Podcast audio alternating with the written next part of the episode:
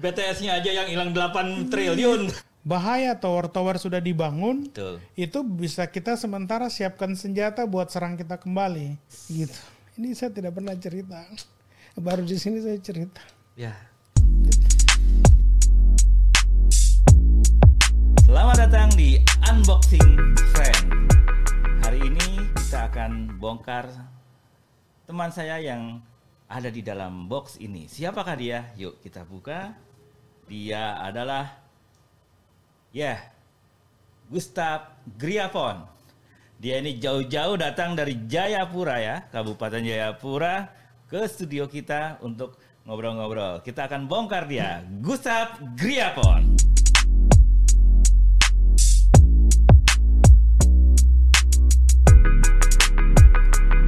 Ya, inilah dia tamu saya hari ini, Abang Gustav Griapon. Gustav Griapon ini eh, bukan cuman sarjana teknik tapi su- sudah magister ya, magister. Jauh dari Kabupaten Jayapura ke sini. Ke Jakarta tuh mau ngapain sih, Bang? Iya, ke Jakarta hari ini kita urus ini domain kampung.id Wih. di Pandi. Hmm, oh berarti eh, ke Pandi dulu. Iya, Ya, Pandi itu ada yang tahu apa namanya Pandi? pengelola nama domain internet Pengelola Indonesia. nama domain internet Indonesia di Tangerang. Banten, Tangerang sana gitu. Lumayan jauh itu kantornya Pandi itu. oh, jadi mau bikin kampung.id. Iya, kita punya saat ini kan Kabupaten Jayapura udah punya Hmm? Dari pengalaman tahun 2016 kita pernah menjadi tuan rumah Festival Desa Teika Indonesia yang keempat. Oh iya, saya ingat tuh Destika. Destika 4. Hmm, Destika. Nah, jadi salamnya Destika 4 bukan salam untuk Gini. ca apa partai politik. Bukan. Tapi Destika keempat. Kelima di Pemalang 2017 Ya. sudah tidak jalan sampai sekarang itu. Oh, 2017 terakhir tuh Destika ya. Mungkin karena ini ya. Desa-desanya sudah banyak yang paham TIK. Nah, itu dia yang apa tidak paham jadi. Hai teman-teman Destika, gimana tuh kita apa sa- apa tegur tegur tegur. Kapan nih Kementerian Desa dan Kominfo kolaborasi lagi bikin Destika, Destika, iya. ke-6. Kemarin Ke-enam. kita kan hanya sampai 5 terus hilang kabar sampai hari Hmm. ini. Saya yang sempat datang Destika yang di Belitung. Belitung itu yang kedua apa ketiga Iya ya? kalau nggak salah itu sekalian dulu ICT Watt ada acara di sana. Iya. Kita nonton bareng film kita Wih. layar tancap di Luar lapangan biasa. Tuh, kayak gitu. Nah berarti kan kita udah ada desa ID, desa.id.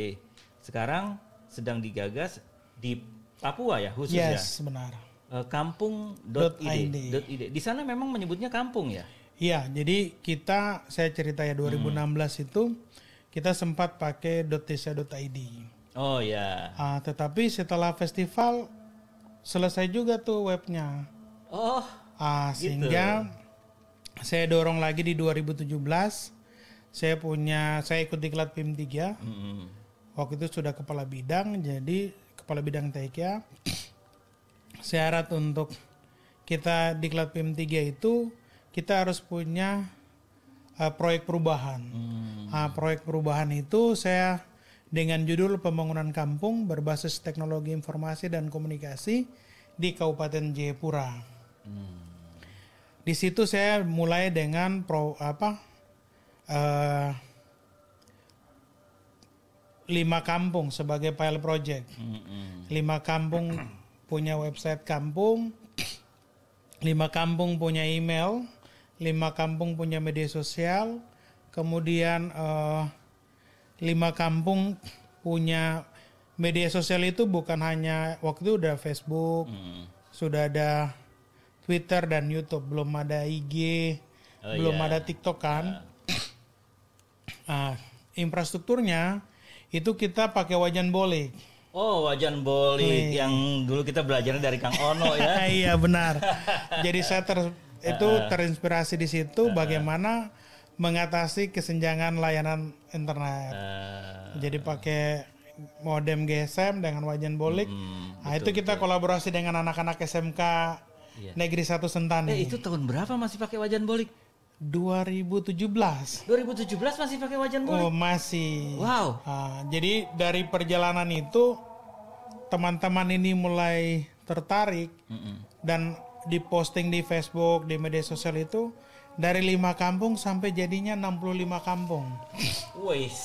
Ah, enam, keren nih. 65 kampung itu saya buat pelatihan itu di kampung halaman saya di distrik Nimboran. Nimboran. di kantor distrik situ dengan melibatkan 60 kampung tadi. Ah, di situ anak-anak yang terlibat ada dari SMK Negeri 1 Sentani untuk infrastruktur wajan boleknya. Teman-teman dari Dinas Kominfo Kabupaten Jayapura. Ada Dewan Tik Papua. Ada Dinas Kominfo Provinsi Papua. Ada kawan-kawan relawan Tik kita juga RTK Oh, Papua. komunitas itu ya? Oh, Papua.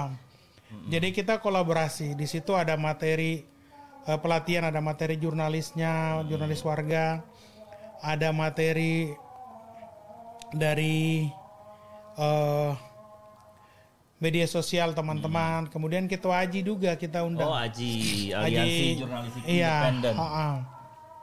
Nah di situ dari kolaborasi itu seiring berjalannya waktu, puji Tuhan pada saat selesai diklat PIM 3 kita ujian tes presentasi dan lain sebagainya dari 32 orang itu untuk Kabupaten Jayapura puji Tuhan saya juara satu Wis.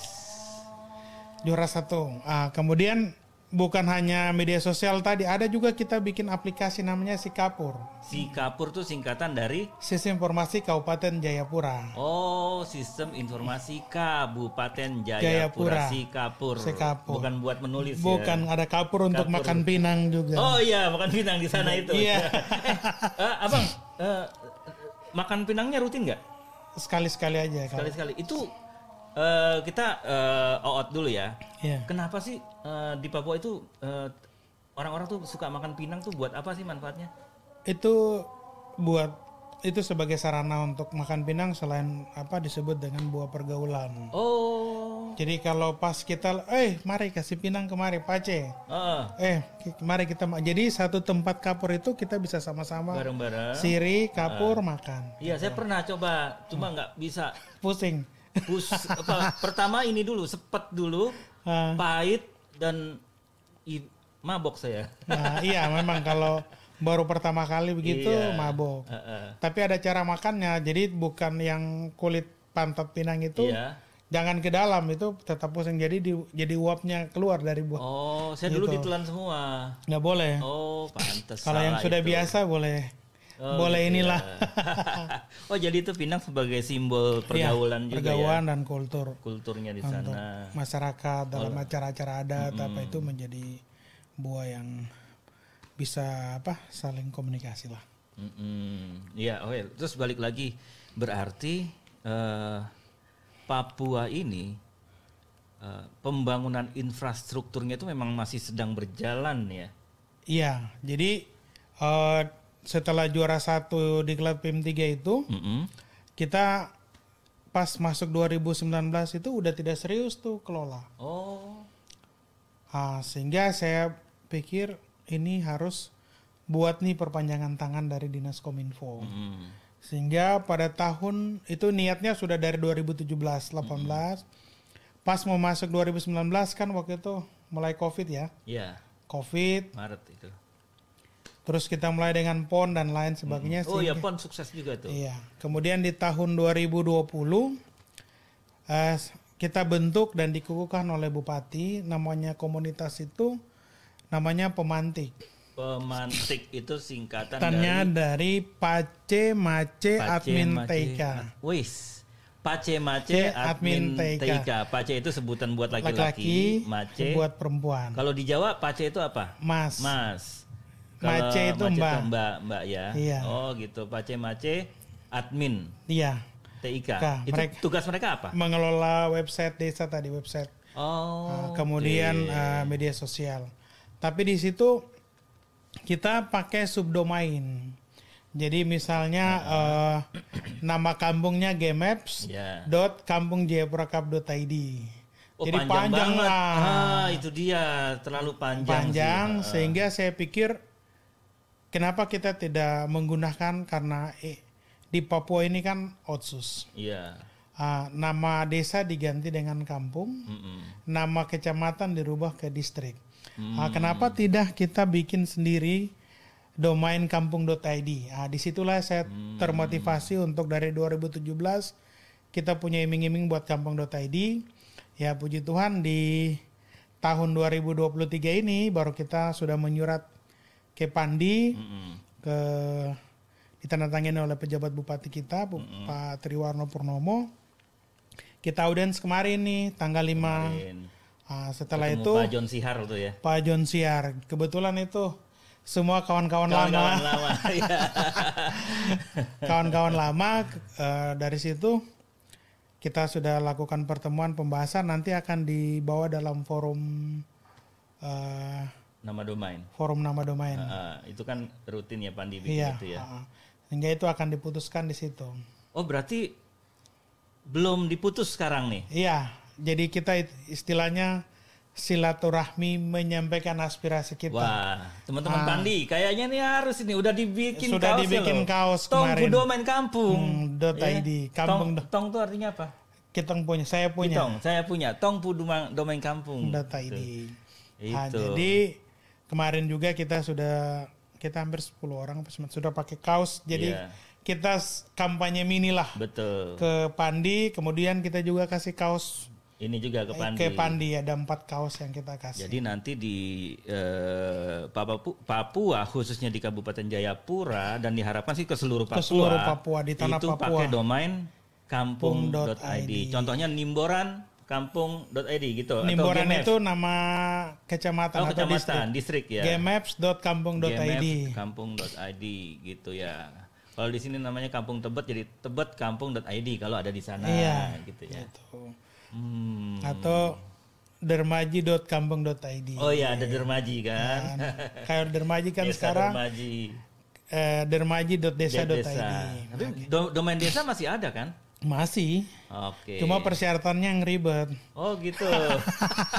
nah kalau kampung ini nanti persyaratannya gimana? Akan ribet atau akan simpel? Kekhususan kita udah bilang kekhususan Gitu ya. untuk Papua. Karena otsus ya. Otsus gitu. Jadi Papua sekarang sudah jadi enam provinsi Di enam dari dua ya. dari dua, benar. Jadi tambah empat. Mm-mm. Berarti sudah hampir ribuan kampung juga kalau tidak salah. Iya ya. Oh berat. Kita di Kabupaten Jayapura saja sudah 139 kampung, 5 kelurahan, Hmm. 19 distrik. Hmm. Gitu. Apalagi di kabupaten lain, misalnya di itu di baru kita bicara tentang kampung-kampung di provinsi Papua belum kayak lima apa enam provinsi ini Enam kalau provinsi gabung ini, berarti iya. berapa ribu kampung tuh di situ. Betul, itu kampungnya udah banyak. Di Kabupaten Jayapura aja kalau nggak salah tuh eh, populasinya yang saya tahu di 2014 itu ada 137 ribu. Iya. Itu ya, itu semuanya itu kita ngomongin Kabupaten Jayapura aja ya. Hmm. Apakah eh di Kabupaten Jayapura ada berapa kampung tuh? Kita ada 139 kampung. 139 kampung itu mereka bisa punya akses internet nggak tuh? Untuk saat ini hampir semua kampung dari program pemerintah Kementerian Kominfo lewat Dirjen Pos dan Informatika dan juga lewat Ba- Bakti Kominfo. Bakti, oh ya. Ah, dan juga ada reguler tower reguler yang dibangun Hmm. oleh Oh. mitra Telkomsel. Jadi kalau di kita di Kabupaten Jayapura di tahun 2022 itu dari Bakti Kominfo itu kita ada 44 site. 44 set Site BTS. BTS kategori non 3T bukan daerah 3T. Oh, yang bukan 3T T, ya. Ah. Kemudian eh, dari pos dan informatika dari Direktorat Pos dan Informatika itu itu dari Indosat ada 9. Hmm. Kemudian dari Telkomsel itu ada 11 tetapi baru realisasi 5. Hmm. Dan 5 ini kita baru resmikan kemarin tanggal 18 April. Oh, baru. Bah, Itu beneran nyala. nyala sudah dipakai warga. Gitu kan eh, kita ngomongin BTS agak sensitif sekarang. Iya iya iya. Ada BTS yang baru dipasang tapi belum nyala-nyala gitu kan. Ah, Ini terus, nyala ya? Iya, terus yang dibangun sama Bakti eh, tahun 2022 kemarin itu 39 kan? Iya, 39. Tapi Terus- kayaknya belum nyala semua deh. Udah, Oh, udah sekarang. sudah nyala. Hmm. Sudah nyala itu sampai di daerah, daerah apa Jalan Trans Papua kita Mm-mm. itu semua pakai. Oh, berarti setidaknya 137 Kampung kampung itu mestinya sudah tercover dan Sudah punya tercover, akses. akses. Hak mereka untuk mendapatkan akses internet itu sudah terpenuhi ya. Iya, pokoknya Gitu. ya eh, hampir 90% lah. Eh, Yang lain-lain tinggal kita eh, dorong lewat eh, penguat-penguat daerah-daerah daerah blank spot. Oke ya, blank spot itu nggak bisa dihindari. Di Jakarta juga masih ada. Ah, jadi Gitu. untuk di wilayah Jalan Trans Papua kita itu ada beberapa kampung eh, di distrik Ayur itu daerah yang paling terjauh dari Kabupaten Jayapura. Itu di daerah Kampung Pagai sama Kampung Kamekaro. Jadi kita tiba di ibu kota distrik itu berkisar kalau bisa 7 sampai 8 jam jalan darat. Dan jalannya begini-begini. Iya, tapi ya lumayan lah. Tapi Jalan mulus, bagus udah sudah mulus ya. mulus kita juga terima kasih ke Pak Presiden Jokowi Hmm. sudah memperhatikan Papua secara khusus di Jalan Trans Papua. Kemudian eh, Tower BTS Bakti Kominfo ini jadi ada yang kita lawan lewat sungai lawan arus itu Hmm. saya pakai speed itu empat jam Empat jam pakai speed. naik lawan arus. Lawan arus. Ah, situ warga kita pergi udah nyala towernya. Ah, Kemudian di kampung kami Karo sama Pagai pada saat ini kasus ini akhirnya off tuh dua itu padahal sudah ada di list itu. Kemudian daerah-daerah yang pesisir pantai yang tadinya susah sekarang itu seperti daerah distrik Rafinirara itu empat kampung di situ baru tower Indosat yang masuk. Mudah-mudahan Telkomsel juga masuk di daerah itu karena sudah di di apa disurvei oleh provider tersebut. di antara Telkomsel, Indosat, XL yang saya tahu kan itu ya. Excel tidak ada di kita. XL belum ada ya? Belum itu yang mau saya tanyain. XL belum mau ke Papua. Yang sudah ada di kita Indosat, Telkomsel dan iya juga tuh. Halo teman-teman. XL, ditungguin nih sama Bang Gustaf nih. Masih banyak site-site yang masih bisa dipasang kan? Iya. Gitu. Untuk BTS-nya itu Dan apalagi dari hasil ini juga kita sudah presentasi ke KPU sama Bawaslu nih. Ini Nah, untuk menuju pemilu ini daerah-daerah ini udah ada tower. Nah, sekarang gini persoalannya. Infrastruktur sudah dibangun. Hmm. Akses internet sudah tersedia. Masyarakat Papua tentunya enak dong udah bisa em, mengekspresikan eh, dirinya, kemampuannya, bisa jualan apa. Itu eh, benar-benar eh, kelihatan nggak, Bang? eh, bagaimana eh, mereka memanfaatkan akses internet itu? Jadi kalau yang saya dari tower BTS tadi ini kan mekanisme ini rata-rata tanah kita hibah. Oh, oh. hibah dari masyarakat ke kita, kemudian eh, apa nih yang masyarakat dapat dari ketika hibah? Mm-mm. Eh, konsep yang kita dari dinas kominfo laksanakan adalah yang punya tanah kita dorong untuk penjualan pulsa. Oke. Jadi berarti ada, eh, pemberdayaan manfaat ekonomi yang dia dapat dan ini sudah berjalan eh, tahap pertama kita lakukan di tanggal 14 April tahun ini. mm-mm. Uh, terus itu dari kemudian tahap kedua di bulan kemarin. Mm-mm. Di situ yang kita lihat bahwa dari laporan teman-teman mitra Telkomsel itu PT PIS, PT Papua Inti Seluler, Mm. ah, itu ada sekitar ada yang udah dapat satu juta lima ratus, ada yang lima Oh ratus. iya. Jadi bervariasi dan itu kita kumpulkan dalam satu grup WA kita ikuti terus. Hmm. Ah, dan kawan-kawan Monitoring terus ah, ya. Tahap pertama itu kita dapat apa? Modal dari Telkomsel dalam bentuk pulsa 200 ribu. Hmm. Kemudian dia putar 200 ribu sampai bisa mencapai apa yang tadi saya Iya. jelas. Uh, kemudian kita dorong lagi yang punya tanah. Jadi ada itu bulan April itu khusus yang Telkomsel. Ah, Bakti Kominfo punya 41 tower dari Iya. 44 tiga kan belum. Iya. Itu sudah kita dorong juga, sudah pelatihan jadi eh, dari Bakti Kominfo sendiri 41 sekian orang itu. Kemudian dari pemantik Pace-Mace Admin TIK itu mereka juga kita dorong untuk walaupun mereka komunitas mereka juga ada punya usaha. Jadi mereka ada sekitar 20 orang. Mm-mm. Terus dari staf Kominfo yang tenaga kontrak, tenaga Oh, honorer, mereka juga kita dorong. Nah, tapi di sini dari Telkomsel tidak memberikan modal Hmm. dalam bentuk pulsa mereka sendiri. Jadi Sendiri ya. kemudian pelatihan satu hari full dan bagaimana mereka menggunakan uh, aplikasi Digipos untuk bukan hanya pulsa tapi untuk token listrik apa Oke, gitu semua segala ada di dalam situ. ada ya. Ah, sehingga anak-anak di mana tower itu ada, mereka bisa gunakan itu untuk jualan.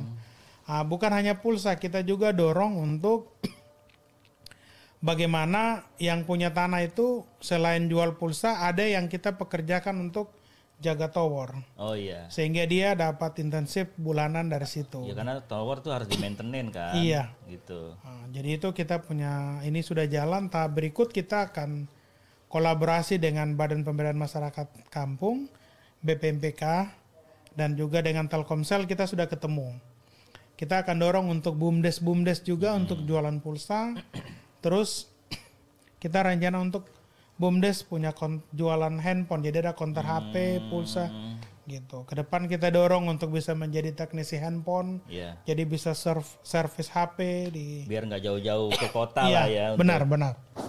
reparasi HP itu Ha, kan. ha, itu baru cita-cita. Mm-mm. Ya. Tapi yang sudah jalan penjualan Semua kan bermulai dari cita-cita. Iya, cita-cita Walaupun kadang-kadang dan- cita-cita kita mau jadi apa, jadinya apa. mau jadi apa, jadinya kadis kominfo.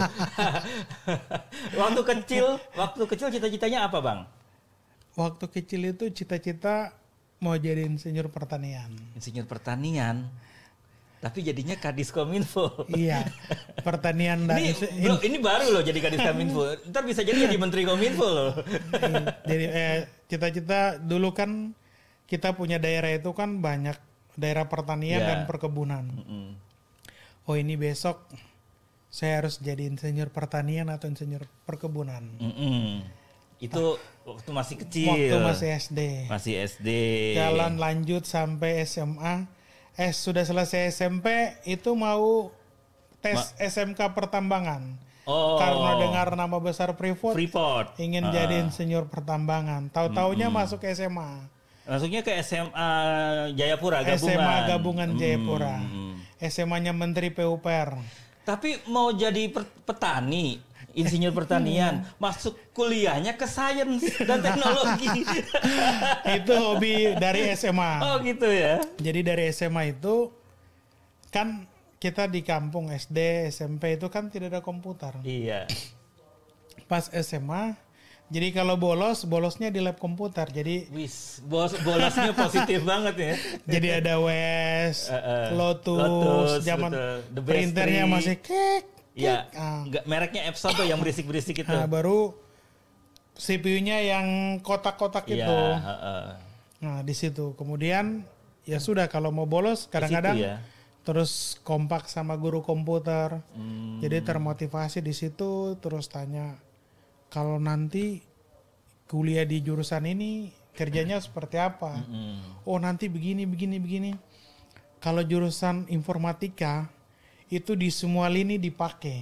Mm-mm. Oke, ya sudah. Kelas 2, kelas 3, eh kelas 3 pikirnya mau dapat IPA, masuk IPS. Ah, IPS. Jadi katanya harus IPA baru bisa kuliah di informatika. Oh gitu. Padahal tidak. Tidak, eh, itu eh, desas-desus ya. Iya.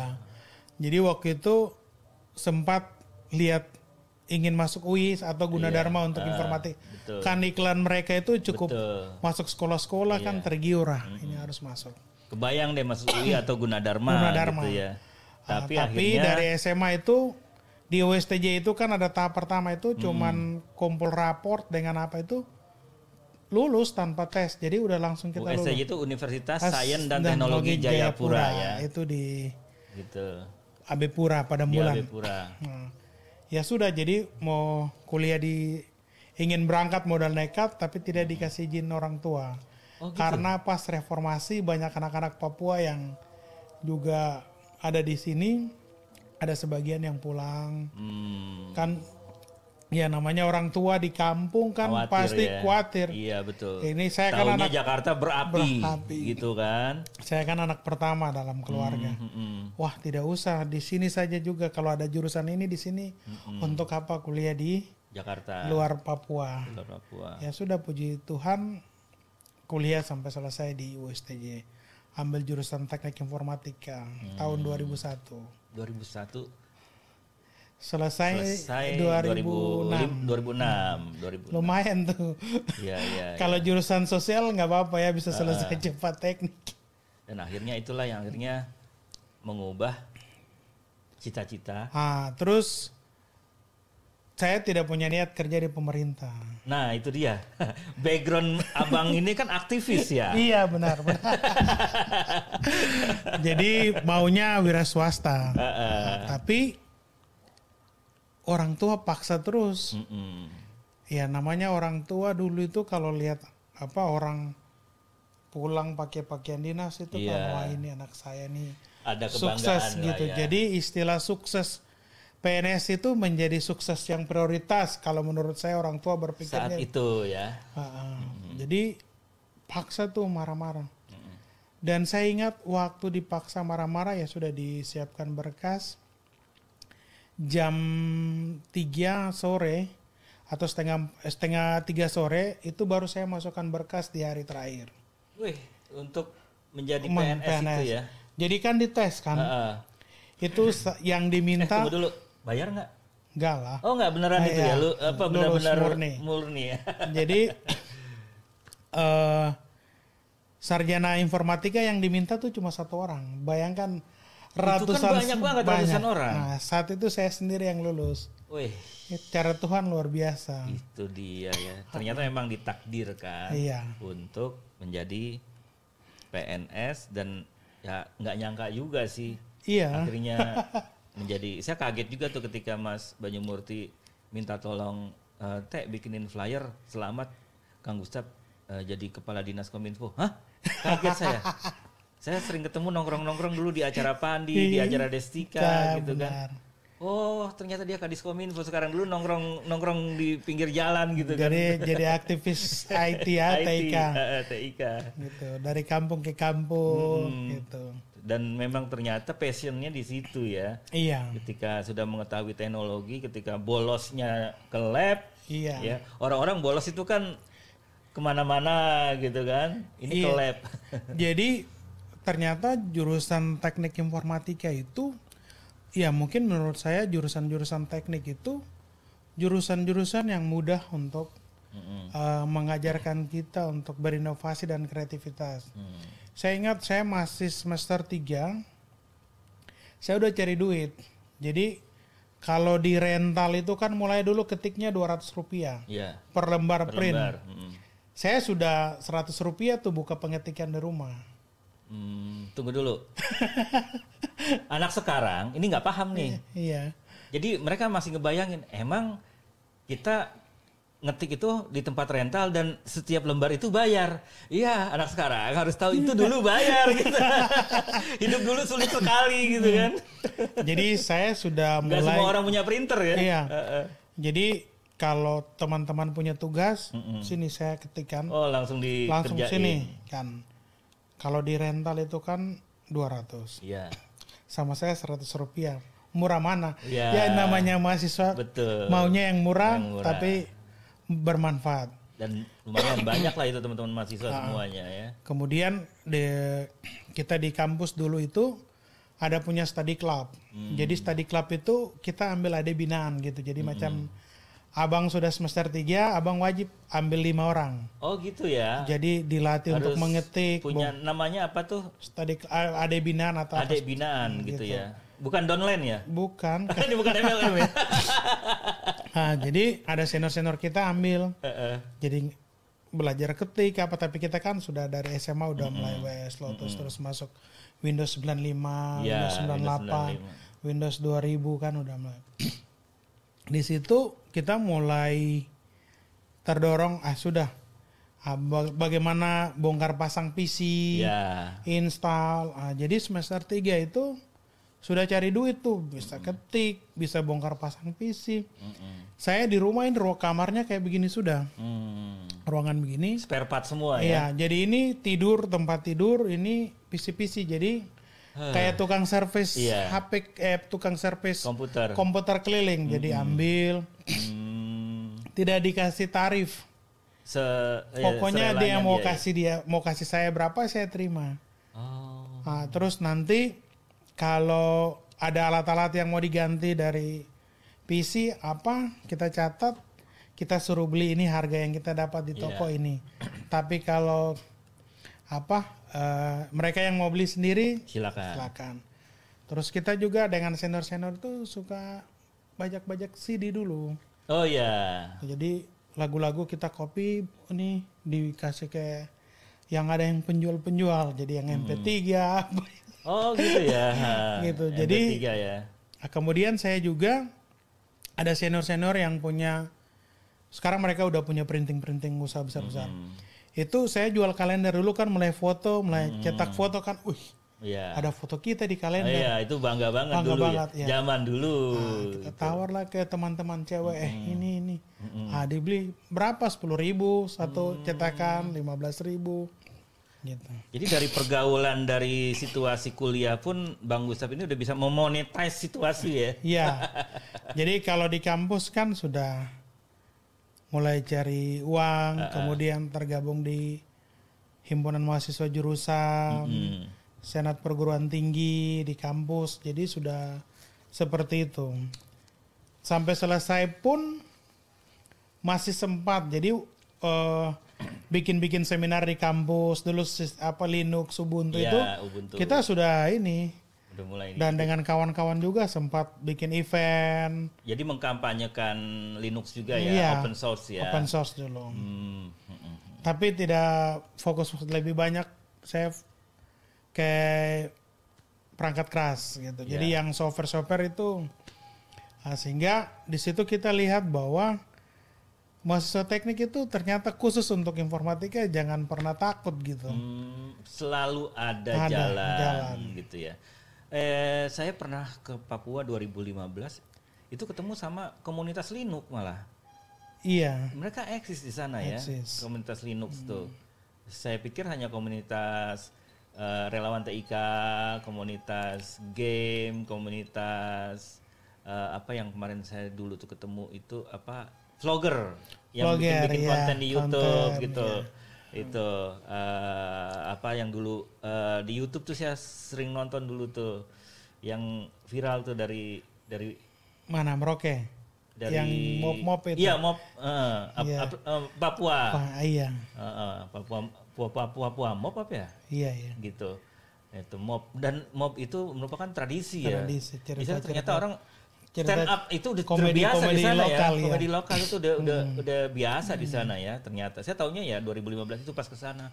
Oh, oke, saya dulu tuh sama Pace Imbiri Iya, Ma- gitu. Markus, Eh, Markus Imbiri. Halo. sama Kak Dian. Aldo, Hmm, Aldo, Dian, ah, sama siapa tuh yang adiknya Aldo kecil? tuh? Ari, Ah, ada ah, ada Ari. Itu banyak sih. Dulu ada Ariel juga, Ariel Ambon. Hmm. Gitu ke sana ya udah akhirnya eh, ya tahu oh teman-teman Papua ternyata geliat eh, perjuangan mereka untuk meliterasi masyarakat itu bener-bener salut ya saya. Mereka itu kalau kita kan di Jabodetabek ini jalan gampang ya. Zaman dulu tuh kan 2015 saya melihat udah jauh-jauh lokasinya Hmm. dan nggak ada sinyal di sana gitu kan. Iya. Gitu. Nah, sekarang kan semua sudah bisa akses. Hmm. Tantangannya gimana nih? Eh, bekal buat masyarakat itu literasi digital seluas infrastrukturnya nggak? Infrastrukturnya kan udah udah ke mana-mana. Nih. Nah, eh, bekal literasi digitalnya nih eh, bagaimana bang? Iya, ini kami dari Kominfo juga Kabupaten Jebra membangun kolaborasi seperti dengan kawan-kawan dari ICT Watt, Mm-mm. dari Common Room sendiri. Hmm. Kemudian kita juga eh, dengan teman-teman dari Kementerian Kominfo, ada, kus- lebih banyak dengan Aptika. Oh, Aptika, Pak Semi ya. Bang Semi selaku dir- dirjen, kemudian waktu itu Mas Haris masih aktif. Oh, Mas Aris yang ngurusin desa juga dulu. iya, gitu. benar. Kemudian Mas Boni, Eh, Pak Boni, terus eh Mas Betri, Bambang Pak Tri. Betri. Jadi itu orang-orang yang pokoknya saya datang itu hanya saya datang itu saya punya orang-orang hebat selalu membantu. Mau bikin apa nih gitu. Oh tolong bantu bikin ini di Papua. Kemudian ada eh, dulu Pak Jamal masih Oh iya Pak Jamal. Ketum Abji sering tuh bolak-balik ke Pop bantu kita bikin literasi di Papua. Eh, Bang Indri sama Bang Doni bantu. Bang Fajar Eri, Ya, eh, terus Mas Sigit, ya Sigit. terus Sekarang lagi sibuk Bang Sigit. iya jangan kita sebut lah. Bang Sigit, terus eh, Om Jo, Iya Om Jo. Om Jo sama Mbak Erni, Ah, mm, Kang Swipe, mm, Kang Soeb. Mas Pratna. Iya. Itu teman-teman Pokoknya itu Duh, orang gila desa. orang gila desa ya dulu mereka itu ya Destika juga mereka selalu Mereka. ada gitu kan. Kemudian di Yosi. Bang Yosi benar, kemudian Bang Nyamin Iya. gitu. Jadi eh, mereka menurut saya orang-orang hebat yang tidak memikirkan bagaimana kemajuan TIK untuk desa-desa di Pulau Jawa saja. Mm. Tapi mereka selalu berbagi buat kita yang di luar Pulau Jawa itu saya apresiasi sekali buat mereka. Dan mau saya telepon siang atau malam mereka selalu respon untuk mendukung uh, kerja-kerja apa yang kita lakukan di Papua. Malah mereka nanti yang kasih solusi Mm. gitu. Uh, saya bersyukur terakhir itu Mas Haris masih di Aptika sebelum ke geser ke bidang lain Iya. itu uh, pengenalan IoT. Oh iya IoT itu. Jadi di sana kalau setiap kegiatan bukan hanya kita di Kabupaten Jayapura tapi kita ajak juga mahasiswa-mahasiswa jurusan TIK dari berapa perguruan tinggi IT di Kota Studi Jayapura ikut kegiatan-kegiatan yang kita lakukan juga. Relawan TIK, pemantik kita kolaborasi sama-sama. Berarti udah cukup luas juga lah ya Iya. eh, bekal literasinya. Tapi itu baru di kota saja. Oh gitu. Nah, untuk literasi ini juga buat Kementerian Kominfo kes- secara keseluruhan. Jangan hanya fokus yang di kota-kota. Ya. Terus ya kalau bisa ini dalam forum podcast ini Mm-mm. diskusi podcast ini saya juga minta ke Pak Menteri Kominfo kalau bisa Mm-mm. Coba dong ada dana yang dibagikan ke Kominfo seluruh Indonesia. Ke dinas kominfonya. Iya, ya. supaya karena yang selama ini bikin literasi ini kan hanya di kota-kota. Dari pusat ke kota. Kota entah ibu, kabu- Iya. ibu kabupaten, ibu kota provinsi atau Iya. kabupaten. Tapi macam saya di Kabupaten Jayapura, kita di Kabupaten Jayapura ini kan 139 kampung. Betul. Tower ada di mana-mana nih. Mm-mm. Yang sekarang tower sudah jadi kan PR besar kita adalah literasi digital. Betul. Ah, Bapak-bapak, ibu-ibu kominfo, ini nih dengerin nih. Iya, jadi se- secanggih hebatnya kita keluar-keluar tentang transformasi digital, ekosistem digital, Empat pilar literasi empat pilar digital. literasi. Iya, tapi kan literasi digital itu empat pilar itu kan harus kuat gitu. Iya, Bahaya tower-tower sudah dibangun, betul. itu bisa kita sementara siapkan senjata buat serang kita kembali. Betul. Sehingga literasi itu penting. Betul. Ah, kami di Kabupaten Jayapura, saya juga terima kasih buat Pak pejabat Bupati Jayapura Pak Triwarno Purnomo, Ibu Sekda dan asisten. Secara khusus untuk Kepala Bapeda Kabupaten Jayapura Pak, Pak Parson Horota, Eh, kami sudah mendapat dana untuk tahun 2024 nanti Mm-mm. itu lewat dana otsus Oh, oke. untuk literasi digital. Ke kampung-kampung. Kampung-kampung. Iyalah, mudah-mudahan 139 kampung Ah, itu tercover semua lah ya. Karena kampung-kampung ini kan orang asli Papua ada di kampung-kampung. Iya. Orang asli Papua secara khusus yang asli Kabupaten Jayapura. Kita sudah jelaskan ke Bapeda, mereka langsung anggarkan. Hmm. Dan monitoring tower-tower ke kampung-kampung juga dianggarkan lewat dana otsus. penyebar luasan informasi keberhasilan pembangunan Iya. lewat dana otsus juga dianggarkan dan ini sudah kita dapat tahun ini cuma 300 lebih 350 juta Hah? Cuma 350 juta? itu kecil itu Hei, kecil banget. Satu tahun aja berapa? tapi di tahun 2024 itu kita dapat sekitar 500-an kita bagi Oh, 500-an. kita dapat sekitar satu miliar tetapi kita bagi untuk literasi sekian untuk Nah. Iyalah, monitoring Pak. Satu miliar itu sebenarnya kurang lah buat 139. kurang Ah, BTS-nya aja yang hilang 8 triliun. kalau 8 triliun pakai bikin literasi selesai Wah, sudah selesai sudah itu. ini kita bilang 8 triliun untuk Iya. literasi Iya itu. Tapi ya itulah. eh, Kenapa saya pikir literasi itu penting? iya Sebentar lagi kita pemilu ini. 2024. Kita tahu sendiri yang namanya informasi pemilu itu kan sering mengadu domba masyarakat kita. iya Nah, kalau literasinya masih gampang kalau literasinya masih rendah, sehingga kan masyarakat itu gampang diadu domba, Iya. gampang menerima hoax, Iya. gitu kan. Itu yang saling menghina saling menghina padahal yang yang yang didukung adalah tokoh-tokoh bangsa gitu kan. Tapi kenapa jadi menghina menghina kan terus gitu? apa mereka ada pernah lihat kita? Nah itu dia. Dia enak-enak di sana? Gitu. betul. Mereka nggak tahu pas di tempat kita mati listrik. Pas pulsa habis. Iya. mereka tidak isi juga. Ah, ah, makanya. Nah itulah pentingnya eh, memprioritaskan literasi digital di kampung-kampung itu. Biar Hmm. kampungnya literasinya tinggi masyarakatnya dewasa negara aman. Karena masyarakatnya udah bisa Iya. Sudah. mengkritisi informasi oh oh, ini tidak gini. benar nih. Iya kan gitu. Atau cek ke sumber yang gitu. sebenarnya. Sehingga saya pikir ini juga mungkin kita perlu dorong ada ke Kementerian Kominfo bekerja sama dengan Kementerian Pendidikan. Mm-mm. sehingga itu ada pelajaran muatan lokal tentang literasi digital. Ya betul baik mungkin ya usia dini TK, SD, SMP, SMA dan SMK. Kalau sudah di kampus ini kan sudah kelewatan kelewatan. Sudah Minimal di SD, SMP ini atau Ya. TK kita lihat sekarang saja anak saya kemarin di Popos Student Center diminta untuk jadi motivator dalam tempat kursus bahasa Inggris Iya. banyak anak-anak Papua juga di situ. Dan itu mungkin saya pejabat pertama yang diundang. Jadi mereka ikuti IG saya, Iya, ikut. TikTok saya. Hari Sabtu kemarin saya di situ tanggal 3 kemarin. apa yang disampaikan di sana Saya bicara tentang literasi. Mm-mm. Literasi digital, contoh-contoh literasi di rumah, Mm-mm. gadget dan juga contoh-contoh di sekolah. Hmm. Di situ apa antusias sekali sampai tadi malam eh, gurunya bilang Pak anak-anak minta Bapak kenapa kemarin tidak kasih tugas? Tentang literasi. Oke nanti saya kasih.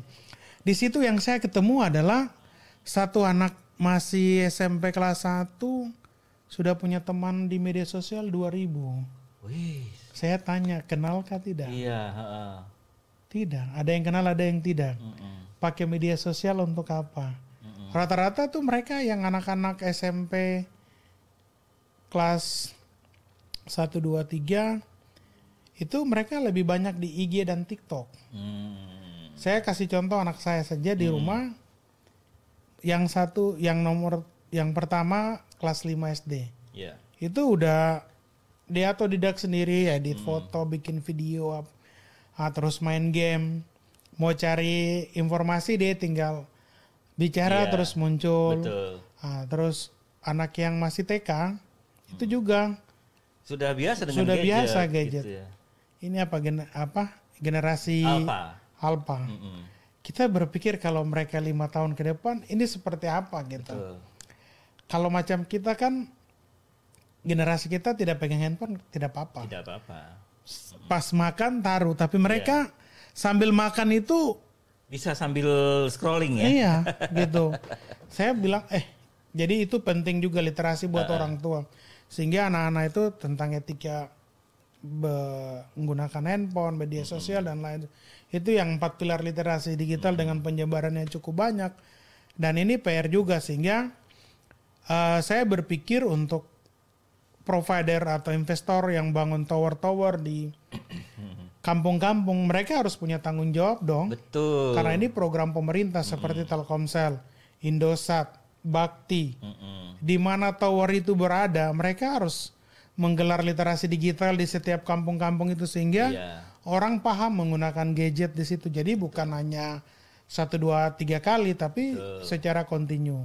Nah, sehingga tadi saya bilang pelajaran muatan lokal itu penting tentang literasi di sekolah Sejak dini. sejak dini. Nah, karena memang itu penting banget terutama eh, faktor etika, eh, kultur, Iya. gimana membangun kultur eh, biar anak-anak muda kita tuh nggak lepas dari kultur lokalnya. Mm-mm. Walaupun kita bisa menebas lintas batas dunia, tapi kan tetap kita punya identitas kultural yang nggak bisa kita ingkari gitu loh. Nah, literasi sih buat ke situ juga sih saya pikir.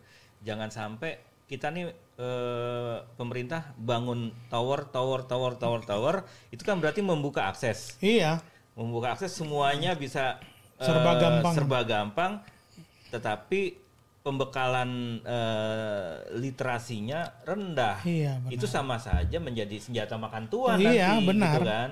Mereka semuanya hanya isinya terimanya hoax, wah berarti eh, ada nih satu hoax nih ini simulasi doang nih bukan beneran Iya. ya. Ada simulasi eh, ini simulasi ada wah mereka dapat hoax. Wah, kita dikuasain sama orang Jawa ini gitu. Itu kan rasis. Itu Iya. bisa memprovokasi. Iya, Kalau literasinya rendah, mereka bisa iya benar, setuju itu. benci sama, Sama Jawa. Jawa. Ya itu kan. Nah itulah orang-orang Jawa, orang-orang Jawa, orang-orang di Jawa itu ya bener yang tadi abang Gustaf bilang itu jangan cuma bangun BTS, tapi juga bangun literasinya. Iya, Gitu ya. jadi saya pikir untuk kolaborasi bagaimana literasi itu jalan tadi. Yang pertama ada pra- pelajaran muatan lokal, di lokal. sekolah Mm-mm. secara dini. Kemudian yang kedua, eh, pemerintah pusat juga menggelontorkan duit luar biasa Ya. kayak desa-desa lewat dana desa itu. Betul. Bolehkah ini nih buat Pak Menteri Ya. desa bolehkah Desa. sekian persen bisa dialokasikan untuk literasi digital Benar tuh Pak Menteri, please ya. gitu. Terlep, kemudian ya sekian persen untuk pengelolaan keberhasilan lewat portal desa, Ya. aplikasi desa yang ada kan atau Mm. kemudian media sosial sehingga itu kan kalau di Kementerian Desa punya program ada kampung cerdas atau Ya. smart village.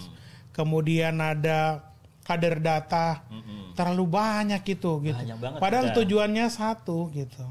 Iya, tujuannya satu. Eh, dan satu lagi sih yang harus bertanggung jawab menurut saya. Bukan cuman provider, bukan cuman pemerintah, tapi platform. Oh, Meta ya ada Instagram di situ Iya. di mana orang-orang Papua banyak yang pakai Instagram TikTok ya. Iya, TikTok benar. juga harus punya tanggung jawab moral untuk bikin literasi di Facebook, sana TikTok, Instagram, Nah, betul YouTube, Google, Ah, Twitter, mereka iya. harus bertanggung jawab iya juga dong. karena kan mereka sudah menjadikan orang Papua sebagai pangsa iklannya juga Iya, benar, gitu kan. setuju. setuju maka ya eh, ya kita berharap kolaborasinya itu multi stakeholder ya termasuk platform-platform ini Iya. bikin eh, kegiatan yang nggak cuma sekali dua kali Iya. tapi continue, Continue, ya gitu. gitu sehingga eh, cita-cita kita yang ingin menciptakan eh, media sosial yang damai itu benar-benar bisa terwujud kalau semuanya tadi collab Iya, benar. gitu Jadi kita ulang ya. Jadi yang bertanggung jawab itu yang pertama ya pemerintah sendiri. ya Pemerintah ini ada Kementerian Kominfo. uh, uh. Kalau bisa jangan dananya untuk pihak ketiga aja. Kasih dong kayak di kemen, apa dinas Kominfo di kabupaten kota di seluruh Iya. Indonesia. Oke. Kemudian eh, dana CSR dari BUMN BUMD yang investasi di Mm-mm. misalnya provider ada Telkom, Ya. Telkomsel, Indosat, Bakti, mereka juga harus punya tanggung jawab. Betul. Kemudian Kementerian Pendidikan dan Ya. Kementerian Kominfo Kominfo. harus mendorong ada literasi digital secara dini di sekolah. Betul. Kementerian Desa. Kementerian Desa bisa mengalokasikan eh, dana desa berapa persen untuk literasi. Dan di Papua juga ada dana otsus. Iya. Boleh dong di- digunakan Iya. atau boleh dialokasikan untuk literasi digital. Contoh kayak kita di Kabupaten Jayapura, Iya. Uh, Bapeda kita sudah mengalokasikan, kita Oh, mengusulkan wih, keren nih. sehingga itu bisa ditiru untuk kabupaten kota lain yang di Papua Iya. bisa menganggarkan lewat dana otsus untuk literasi digital. Kemudian platform tadi ada Facebook, Instagram, Twitter, TikTok, YouTube, Google. Mereka ini juga harus. Oh, micet nggak? mereka ini juga harus bertanggung jawab Ah, ah. untuk eh, menganggarkan atau program CSR mereka seperti apa bisa mendorong literasi juga Mm. begitu karena ini semua kan jangan hanya mau pangsa pasarnya saja Betul. Ya, jangan ya memang semuanya itu gratis diberikan sama Iya. platform. Cuman kan kita tahu eh, kita lah sebagai olinya, kita sebagai minyaknya, Iya, sebagai iya. pangsa iklannya kan.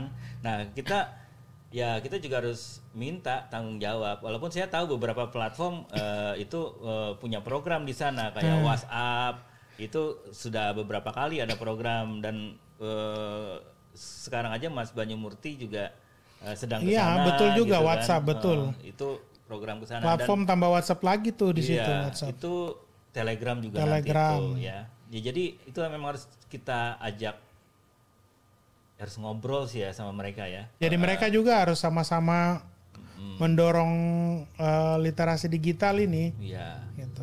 Jangan Karena PR PR bangsa kita secara khusus ini lebih lebih parah kalau literasi tidak ada. edukasi secara terus menerus gitu. Ya itulah apalagi ini menjelang uh, pemilu ya. Iya. Kita tahu belajar dari 2014, 2019 kemarin itu Pace Mace bisa berantem hanya gara-gara diribut di WhatsApp kan? Iya. Hanya gara-gara pilih satu atau pilih dua dan itu kan karena literasinya masih rendah Hmm. jadi Iya. gampang diprovokasi ya. Coba kalau literasinya ditingkatkan, semua platform, semua pihak kementerian bertanggung jawab untuk membangun bersama-sama.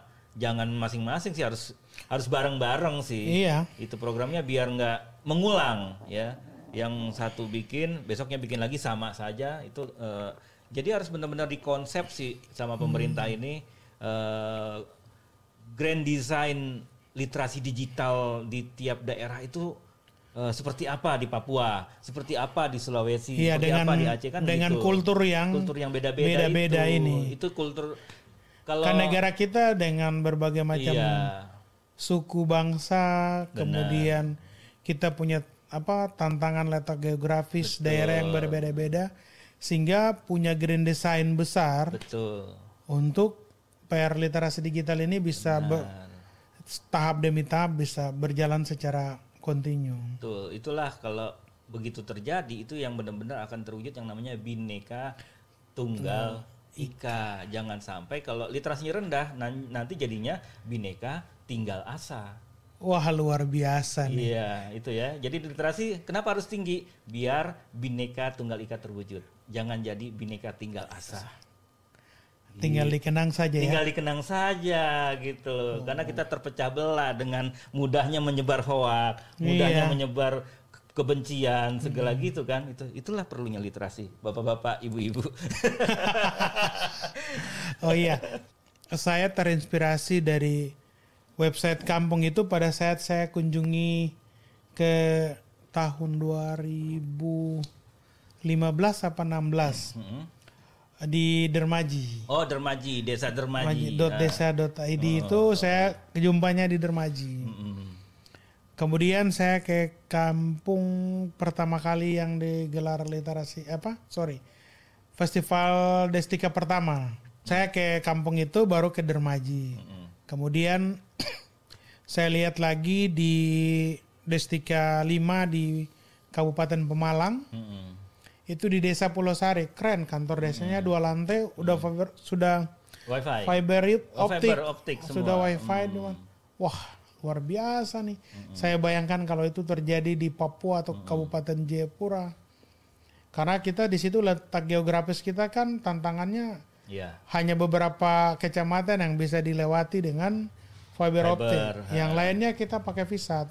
Mm-mm. Ya karena memang kondisi geografis ya, Mm-mm, tantangannya iya. memang agak berat. Kemudian untuk tambahan infrastruktur tadi, Mm-mm. eh, kita dari pemerintah Kabupaten Jayapura lewat Dinas Kominfo kita usul ke Bakti untuk layanan visat itu untuk segmen kesehatan sudah terrealisasi di 2020 segmen pertahanan keamanan untuk Polsek dan Koramil. Untuk Polsek itu sudah realisasi di uh, bulan kemarin bulan September 2022 kemudian segmen pendidikan. Itu mulai dari SD, SMP, SMA dan SMK kita usul segmen UMKM, segmen home uh, homestay pariwisata, perpustakaan kampung, hmm. kemudian kantor distrik, kelurahan dan kampung kita masukkan. Hmm. Jadi total sekitar 400 lebih visat oh, yang kita banyak juga ya. ajukan, tapi hmm. belum dapat, baru ajukan. Iya, baru diajukan. Tapi yang sudah dapat Polsek sama Puskesmas. Ya. Visat di sana, tapi lumayan ya visat ya. Visat kan ya kan kualitasnya kan, lumayan rendah kan bantuan ya. pemerintah ya, gitu ya. kan paling dua dua mega ini dua kita mega. yang BTS BTS Bakti ini BTS Bakti Kominfo ini kan uh, hanya dua mega ya. dua mega dengan infrastruktur bukan kabel fiber optik masuk ke tower oh bukan. jadi dia pakai visat jadi dua mega kapasitasnya untuk 50 sampai 100 orang. Terus jangkauannya 500 meter. Uh, uh. Bayangkan kalau di satu kampung itu orang punya dua handphone. Iya. 500 KK. Jumlah jiwanya Mas hitung sendiri berapa? Ya. 137 jadi, ribu. Jadi kan agak susah tuh.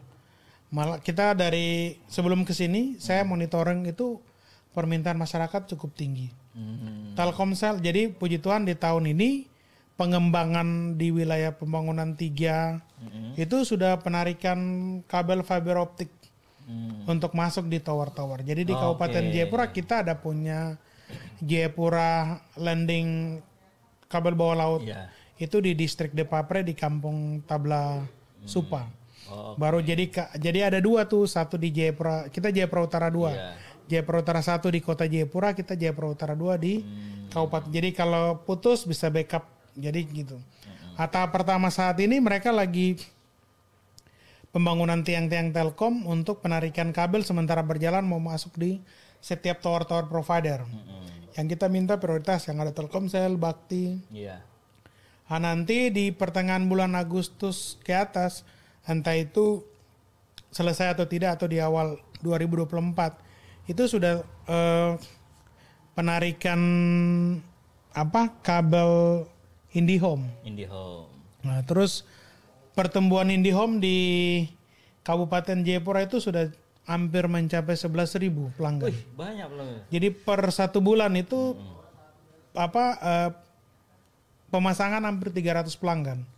Itu laporan dari kepala kantor wilayah Telkom. Eee. Abang bayangkan saja. Iya, iya, iya, iya. Oh, lumayan cuannya lumayan gede itu. Iya, tapi berarti tanggung jawab literasi digital Iya, itu dia. Itu.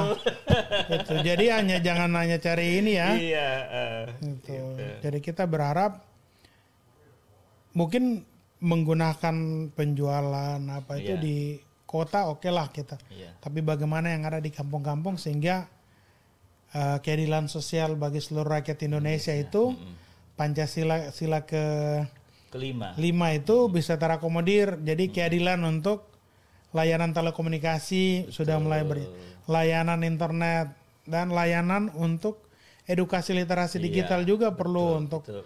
seluruh masyarakat Indonesia secara khusus kami yang ada di Kabupaten Jayapura secara khusus yang ada di kampung-kampung 139 kampung mm -hmm. ini bisa mendapatkan literasi yang baik Uh, kami dari Dinas Kominfo juga sudah dalam setiap monitoring ada beberapa kepala kampung yang spontan hmm. menyampaikan, eh, sorry kita di Papua bilang kampung di sini yeah, desa ya, yeah.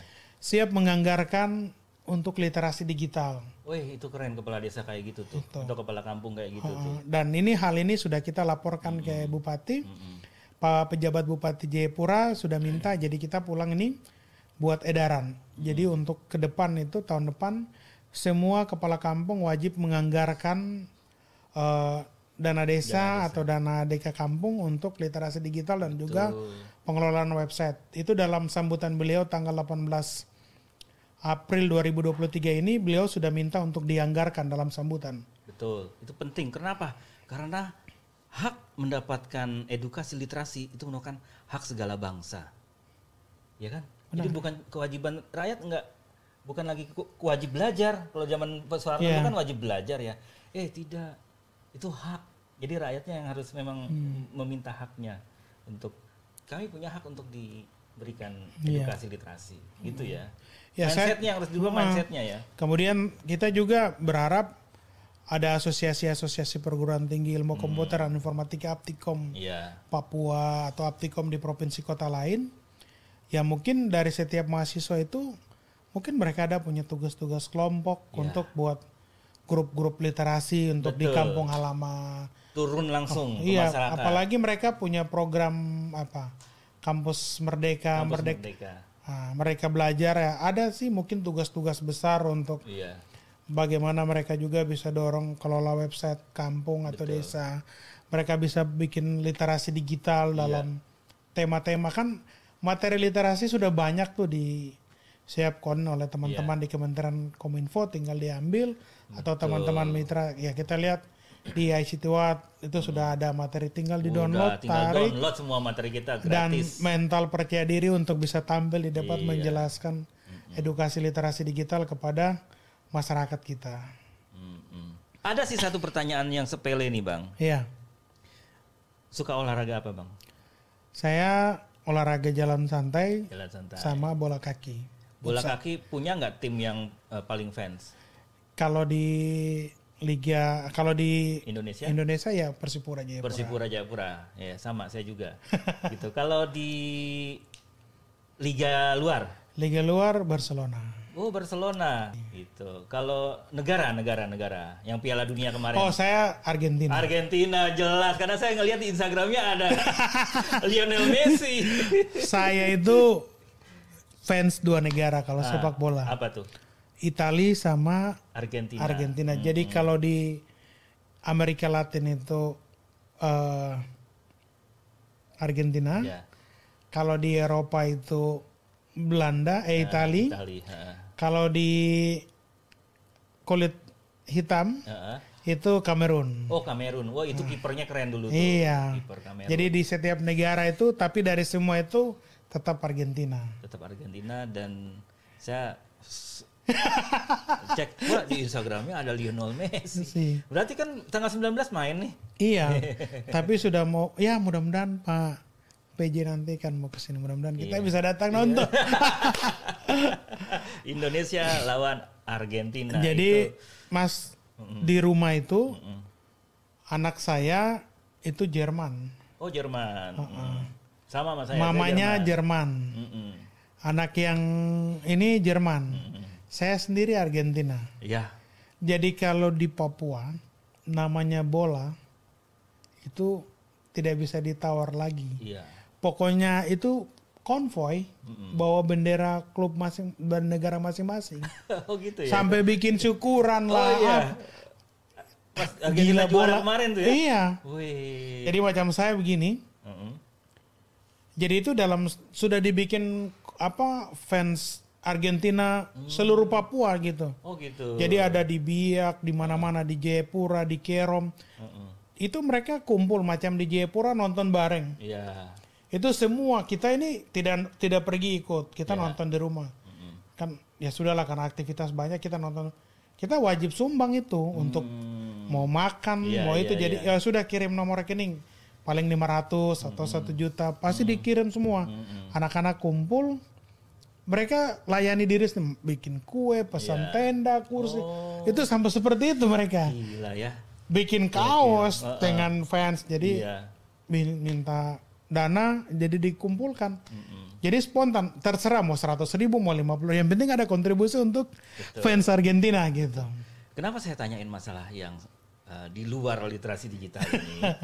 Karena bagaimanapun kita makhluk sosial, kita tuh perlu bergaul, Iya, berteman. Contohnya dengan sehobi, hobi. sehappy, happynya apa gitu. Karena bisa jadi teman-teman itu juga bisa kita ajak pelan-pelan untuk punya kepedulian terhadap literasi, Yes. pelan-pelan gitu. Oke bang, sebenarnya ada satu pertanyaan lagi. Apa tuh? Eh, ini pertanyaan yang benar-benar pribadi. Oke. Pernah nggak bang, waktu masih kecil ataupun sudah besar pengalaman yang sedih gara-gara apa? Wah, luar biasa nih. Sabar saya minum dulu. Ini pertanyaannya benar-benar di luar dugaan. iya. kalau peng- pengalaman kecil kan, Mm-mm. kalau di kampung itu dulu kan kita tidak ada TV. Ya. Terus nonton di rumah orang. Jadi Oh. eh, sekitar jadi di rumah dari kampung Mm-mm. kita saya sebut aja ya Ya. dari Genyem besar kampung Ya. saya Mm-mm. kita ke Genyem kota Itu berapa kilo bang? Ah paling 200 meter saja Oh 200 meter. Ah. Cuma kan jalan gitu-gitu. tidak kalau kampung saya datar Oh datar. menyeberang sungai malam jadi Astaga. lampu belum begitu jadi kita pakai daun kelapa Ya. dibikin kayak obor begitu jalan nanti Oh. sudah sampai menonton di pad- apa padam Mati padamkan. Aduh. terus sampai mau nonton kan kalau horden buka kita nonton Oh ya Allah. kalau Belum tidak berhasil eh, nonton eh, ya. iya Astaga. ah jadi pernah seperti itu terus kita minta kejadian-kejadian itu terus kadang pintu ditutup Iya. Ah, kita kebetulan di kampung eh, orang tua punya ternak sapi Hmm. terus kebun kakao kebun kakao kita mengeluh kan Iya. akhirnya dibelilah TV. TV, beli parabola kan Parabola. Iya. terus jadi di situ pengalaman melihat rumah orang seperti itu di Iya. rumah kita tidak boleh Hmm. jadi kita buka tuh apa kain horden jadi orang di kampung bisa nonton, Iya. Bisa nonton. buka pintu Nggak usah ditutup-tutup Iya, lagi. gitu. Biar orang nggak ngalamin gimana sedihnya Iya. nonton TV kayak Bang Gustaf itu yang harus jalan dan sampai sana nyebrang sungai. Coba ayam, abang bayangkan begitu sementara lagi nonton kayak Iya, pencuri, iya. itu langsung ditarik orang. Waduh, itu hati iya, gitu ya. itu. Hmm, itu ya. Nah, Dan terus- ternyata itu sekarang gampang banget nontonnya. Oh, sekarang gampang banget. Anak-anak saya saya ngajarkan mereka tidak seperti itu. Mm-mm. Itu kan di kampung kalau Iya. di kota kemudian anak-anak juga dibentuk sendiri le- lewat pelajaran di sekolah kan Mm-mm. seperti itu. Ah, kemudian pengalaman yang besar sekali itu Iya. yang sudah saat ini pada saat pertama kali mau masuk kuliah Oh ya, gimana tuh? itu apa ya apa punya nekat tadi bilang mau berangkat harus kuliah Iya. di luar Papua Mm-mm. tapi dilarang sama orang tua. Pada saat itu kan kita kan lulus 2001 Iya. kan baru selesai tuh reformasi, Reformasi, 9 iya. jadi orang tua takut kan. Giliran mau bayar uang kuliah susah tuh. Oh. Hanya kurang beberapa saja. Akhirnya ya orang tua pinjam tuh. Hmm. Nah, terus nanti sudah ada duit baru cicil ganti. Hmm. Nah, terus ujian SMA itu bang kurang 15 ribu aja coba Ois. untuk waduh setengah matinya minta ampun gitu. Ah, kemudian masa-masa sulit itu ah, ah. pada saat aduh SMA itu kelas 3 Heeh. saya harus kerja pulang sekolah naik trek Iya. trek barang Oh, truk barang. iya Heeh. bongkar Iya. untuk tambah uang taksi Oh.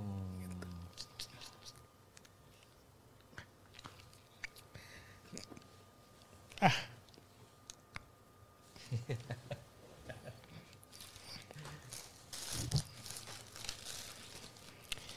Ah, terus dulu kan ada proyek-proyek tuh bangunan. Jadi kalau pulang dulu gaji buruh itu 14.000 ribu Sehari. sehari. Iya. Jadi kalau saya pulang sekolah itu eh, setengah hari 7.000 ribu. Jadi udah dikumpul Mm-mm. untuk jadi setiap satu minggu cair. Oh iya. Ah, terus Berat banget, Bang. ikut kakak kerja di trek Coca-Cola. Heeh. Jadi angkat ke toko-toko Iya. atau ke bar. Mm-mm. Baru nanti ah, terus satu waktu itu saya tidak sekolah. Kita bongkar barang di ah, ada Cina yang punya gudang. Mm-mm. dari semua anak-anak yang dilihat di dalam bongkar itu dia lihat saya ini beda. Oh. Dia panggil saya sendiri. Ah. Kau sekolah ke tidak? Sekolah. Mm-mm. Kenapa tidak sekolah? Tidak ada uang taksi. Mm-mm. Gitu kan. Waktu itu gencar-gencar tuh. Papua harus pisah dari NKRI dan lain. Oh ya. Eh tunggu sebentar. Taksi itu kalau di Jakarta angkot ya. iya, heeh. Jadi jangan ngebayangin orang Jakarta taksi itu kayak taksi yang ada argonya itu tapi angkot. Lanjut bang. Terus itu dulu kan naik taksi 150 rupiah juga susah juga. Susah lah. 200, 300. ah. Jadi Cina itu dia kasih nasihat saya. Kenapa kau tidak sekolah? Mm-mm. Kau tahu kalau besok Papua ini berubah, Mm. kau pasti jadi orang hebat. Gitu. Oh dia bilang gitu. Iya, Oh. saya tidak tahu dia punya, dia lihat saya sendiri dalam Ah, itu. ah. Terus saya bilang, tapi saya mau sekolah bagaimana? Tidak. Iya. Ya sudah. Dia bilang, mulai ke depan saya tidak mau lihat kau bongkar barang lagi. Gitu. Hmm. Sekarang sudah kelas berapa? Kelas seperti ini. apa? Kelas 3. Kelas tiga. Tidak boleh harus kau selesaikan. Terus harus kau kuliah. Mm-mm. Ya itu cara Tuhan luar biasa. Iya. Setelah selesai kuliah. Mm-mm. Jadi ketika flashback orang men- bertanya, Iya. ah, sedih juga gitu. Iya. Kadang, kadang-kadang pulang sekolah itu dari lapangan Mandala, Heeh. Jayapura itu kita jalan kaki rame-rame. Terus pulang harus lepten. Apa tuh? Naik lepten di lampu merah untuk numpang angkot. Numpang angkot. Iya. Angkot. Kadang-kadang itu bisa jalan kaki dari sekolah sampai di rumah. Wow. Kalau ada uang ya kita naik taksi. Iya. Kalau tidak Nebeng-nebeng gitu ya. nebeng-nebeng teman. Ah, terus iya yang paling berkesan itu satu waktu haus di tengah jalan. Sudah perut kosong. Mm-mm. Ya itu di mana di daerah Doka 4 itu ada tempat beli air tangki-tangki kan Iya. untuk air isi tangki. Iya. Sudah pura-puranya di situ cuci muka, sudah bunyi tuh. Langsung tada mulut minum. Ah. Ada roti dicelup di air Iya, itu, air. ya makan Nice. gitu. Ini saya tidak pernah cerita. Baru di sini saya cerita. Ya. Gitu. Itu itu berat banget, Hmm. berat banget. Dan itu nggak nyangka ya. Jadi orang-orang kan sekarang sering melihat suksesnya. Wah, Abang Gustaf kepala dinas kominfo. Ah, nggak ada yang tahu sekolahnya dulu gimana, gimana kisah-kisah sedihnya. Dan kenapa saya menanyakan ini? Biar kita tetap ingat oh bahwa kita dulu bukan siapa-siapa. Kalau kita tidak ingat dengan orang-orang yang berjasa dengan Cina yang memotivasi abang itu, Benar. kita nggak seperti hari ini, Hmm. gitu. Nah, terus waktu itu setelah selesai kuliah kita tes di Freeport saya sempat tes. Oh ya, heeh. Jadi ada mitra yang nanti ke Freeport kan. Heeh. Tapi di saat itu saya terpilih jadi ketua pemuda di gereja. Hmm, hmm, hmm. Di 2006 itu kan. Terus teman saya yang dulu kita sama-sama kacau di Iya. pokoknya Heeh. sedikit-sedikit orang ini bahasa bilang gembel atau Gembel. pokoknya sedikit nakal, Iya. suka tagi-tagi palak. Iya, heeh. Di situ dia datang, dia sudah kacau Iya. hidupnya mabuk dan lain. Dia masuk STT, sekolah pendeta. Wih, Itu luar biasa cara Tuhan pakai. betul ya. Waktu saya dap, begitu dia dengar kan dia datang sama saya. Eh, kau kenapa mau? Kau sudah terpilih jadi ketua PAM. Mm-mm. PAM itu Persekutuan Anggota Muda. Mm-mm. Itu s- di Persekutuan Anggota Muda Jemaat GKI Evatar di Puratiga, Gereja Kristen Injili di Tanah Iya. Papua. Dia datang kasih nasihat saya. Padahal kita sama-sama dulu nggak jelas. Iya. ya namanya SMA kan kita belum dibentuk Iya. kenal jati diri kita nanti pada saat uh, kita kuliah baru kita dibentuk. Mm-mm. Eh, di situ uh, dibilang kalau kau fokus kerja untuk Tuhan, Mm-mm. saya masih ingat sampai 2006. Tuhan juga akan fokus kerja untuk kau. Ketika kita bekerja untuk Tuhan, Tuhan juga pasti bekerja untuk kita. Namanya pendeta John Absalom Hai, teman sekolah saya. Wih. Dia sekarang pendeta di Kabupaten Biak Numfor. Wih. Nah, di situ Mana tahu masa lalunya ya? iya benar. Ah. Terus dia bilang kalau kau pergi tinggalkan pekerjaan Tuhan, kau akan kena murka atau musibah. Wih, saya bilang, eh ini kalau saya kerja, ini bayangkan Freeport.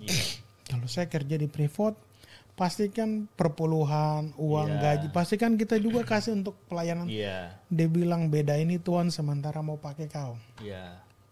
Jadi orang sibuk tes PNS saya tidak gitu. Jadi sampai 2008 Bapak suruh tes tadi gitu. Mm, Jadi puji tadi saya bilang kita bekerja untuk Tuhan, Tuhan Iya. pun kerja untuk kita. betul. Satu-satunya sarjana informatika yang lulus di tahun itu saya sendiri Wih. dari ratusan sarjana yang ada gitu. Jadi bagi saya eh, kerja untuk Tuhan, Tuhan selalu sediakan berkatnya tersendiri buat kita. Jadi itu eh, susahnya minta ampun. Nah dan saya pengalaman organisasi walaupun di kampus, di kampus kan oke lah, tapi Iya. di gereja kita kenal dengan anak-anak yang ada yang putus sekolah, sudah pemuda, ada yang sarjana, ada yang itu idealis mereka beda-beda, tapi betul. kita bisa mengayomi mereka. Hmm. Jadi saya jadi ketua pemuda itu dari 2006 Enam. sampai 2000 jadi lima tahun. Mm-mm.